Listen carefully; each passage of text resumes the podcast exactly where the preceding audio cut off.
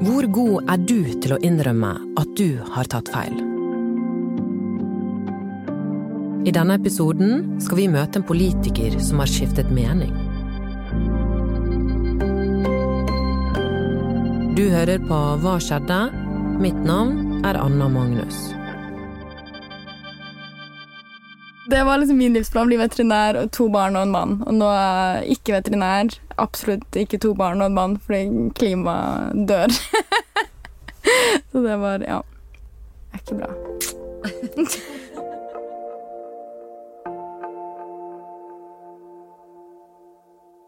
Josefine Gjerde er 22 år gammel og politisk rådgiver for kulturbyråden i Bergen. Hun er også andrekandidat på MDGs stortingsliste i Hordaland. Jeg ville studere sammenlignende politikk. Ja, Enten det eller statsvitenskap. Og så skulle ekskjæresten min til Oslo, så da valgte jeg Bergen. Josefine ble en nasjonal snakkis i sommer. Hun gikk ut i Dagbladet og fortalte at hun nekter å føde barn før klimakrisen er løst. Reaksjonene lot ikke vente på seg. Frp-leder Sylvi Listhaug sa blant annet ikke bare vil de ta fra oss bil, fredagstaco og sydenreiser, nå skal de gå etter barna våre. Det er jo også skummelt at så mange kjenner seg igjen i den der frykten for å få barn, fordi verden er på vei til et farlig, farlig sted. Det er jo fint å vite at vi er mange, men det er også litt eh, Jeg er jo redd at det er for sent, på en måte. Så det ja. Josefine er fra den lille byen Risør, kjent for sin idylliske skjærgård. Vokste opp med mamma og pappa og en storesøster, eh, og så har jeg også en storesøster til som eh, er bare pappa sin, som han har privat, som han pleier å si. Som, som ikke vokste opp med oss, men som er veldig nær. Så jeg er veldig sånn familiekjær, yngst. Den som jeg har blitt dulla med, på en måte, og fått lov til å liksom gjøre mine ting. På ungdomsskolen var klassekameratene til Josefine mest opptatt av å spille fotball og diskutere popidolet Justin Bieber. Josefine var også en selverklært belieber. Men det var ikke det eneste hun brydde seg om.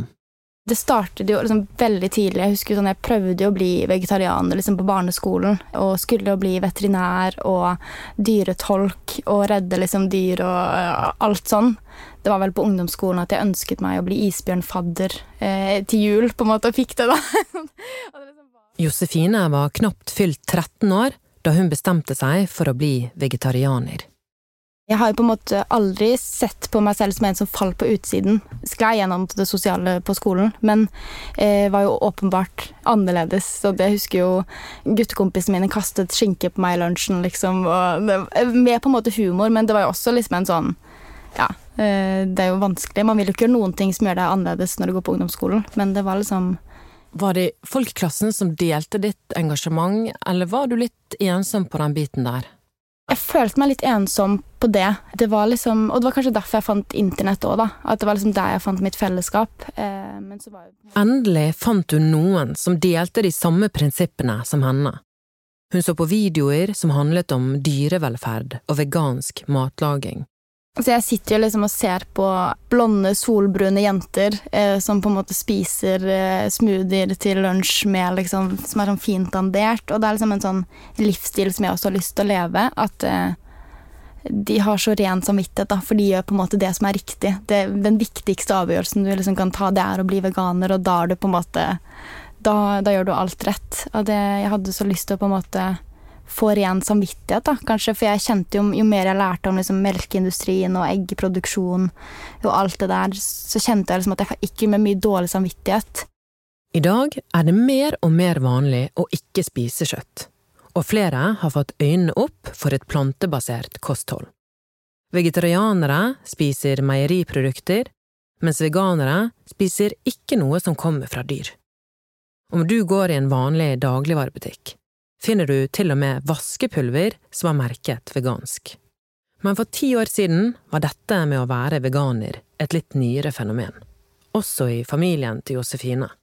Tacofredagsfamilie, eh, og det var eh, ja, alt fra liksom kjøttkaker til eh, lasagner, og det var liksom helt vanlig liksom, norsk kosthold, egentlig jeg ser jo på en måte bare lidelse, og jeg ser Det blir nok også litt en sånn forskrudd ting, for man begynner ikke å bare si at det liksom Det er, det er ikke bare umoralsk, det er liksom Det er ekkelt.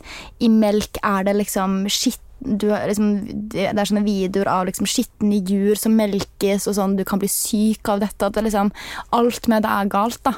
Man vil jo liksom det beste for familien sin. Så blir jeg liksom sånn Dere tenkte liksom Du burde prøve dette og dette, liksom.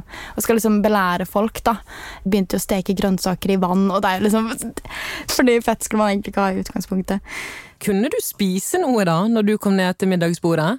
Jeg har jo veldig snille foreldre, eh, så mamma lagde jo sånn spesialtilpassa middag. Jeg var jo ikke fornøyd når det liksom var egg eller melk eller sånne ting. Når jeg var 15, så var jeg en som ikke var så hyggelig å spise middag med. Så jeg, jeg må jo kanskje være litt ærlig om det, da. Josefine husker spesielt én episode som preget henne. Et sånn minne at jeg med et uhell spiste kjøtt sånn helt i starten da jeg var vegetarianer. Så skulle jeg ta på taco, og så var jeg ikke vant til at jeg ikke skulle ha på kjøtt. Så jeg bare hadde tatt det på løftet og begynt å spise. Og når jeg var halvveis igjennom, så ser jeg ned, og så kaster jeg tacoen eh, i gulvet.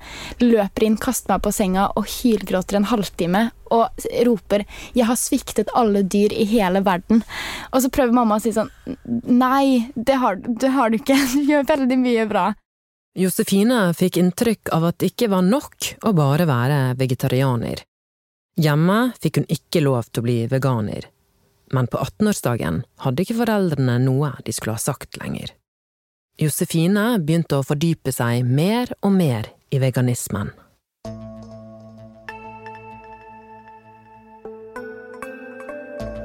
Du burde ikke spise på restauranter eh, som også lagde kjøtt, for var, da støttet du folk som drev med kjøtt eller egg eller melk. Du skulle bare handle med liksom, hele veganske produsenter. Eh, man burde undersøke om hvilke typer lim som brukes i klær og i møbler, fordi det kan være spor av hestesener og sånne ting.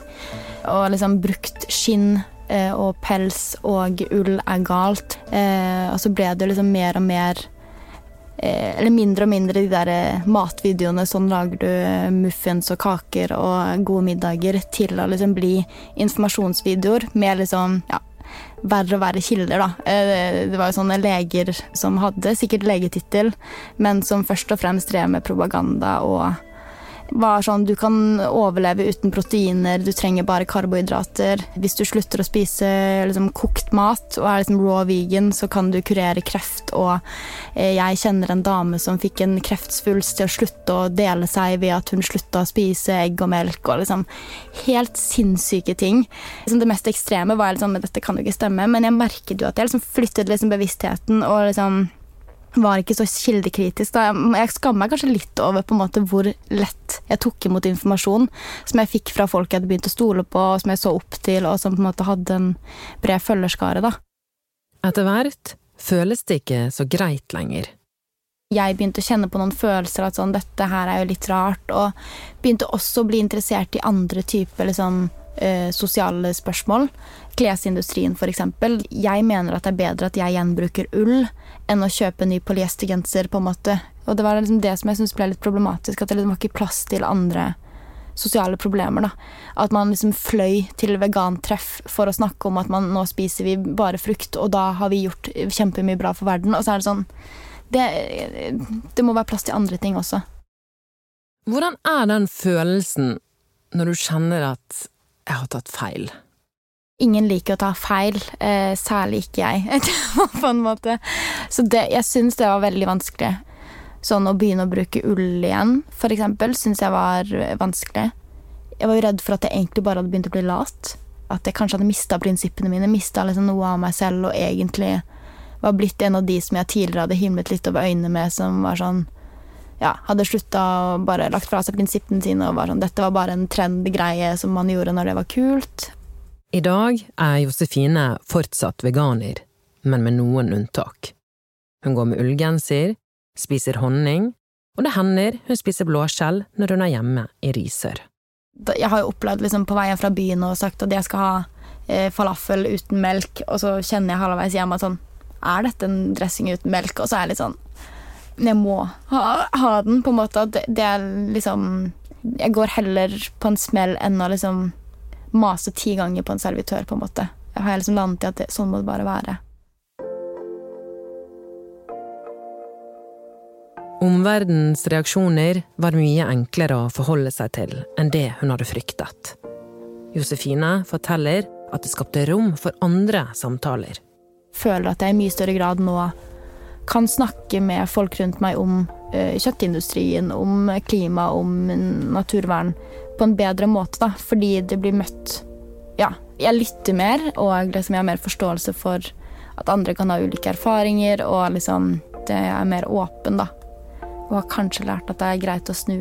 Nå har jo mamma de begynt å eh, bare kjøpe liksom sånn lokale, lokale snille pølser, holdt jeg på å si. Eh, og det har jo tatt ti år. Eh, og jeg er liksom Hvorfor gjorde dere ikke det når jeg begynte å snakke om det? Men jeg tror det liksom dørene lukka seg litt da når jeg var så hard. Og det er jo en erfaring man kan ta med videre. Ja. Denne episoden er laget av Anna Offstad, Arve Stigen og meg, Anna Magnus. Ny episode kommer på mandag. Vi høres.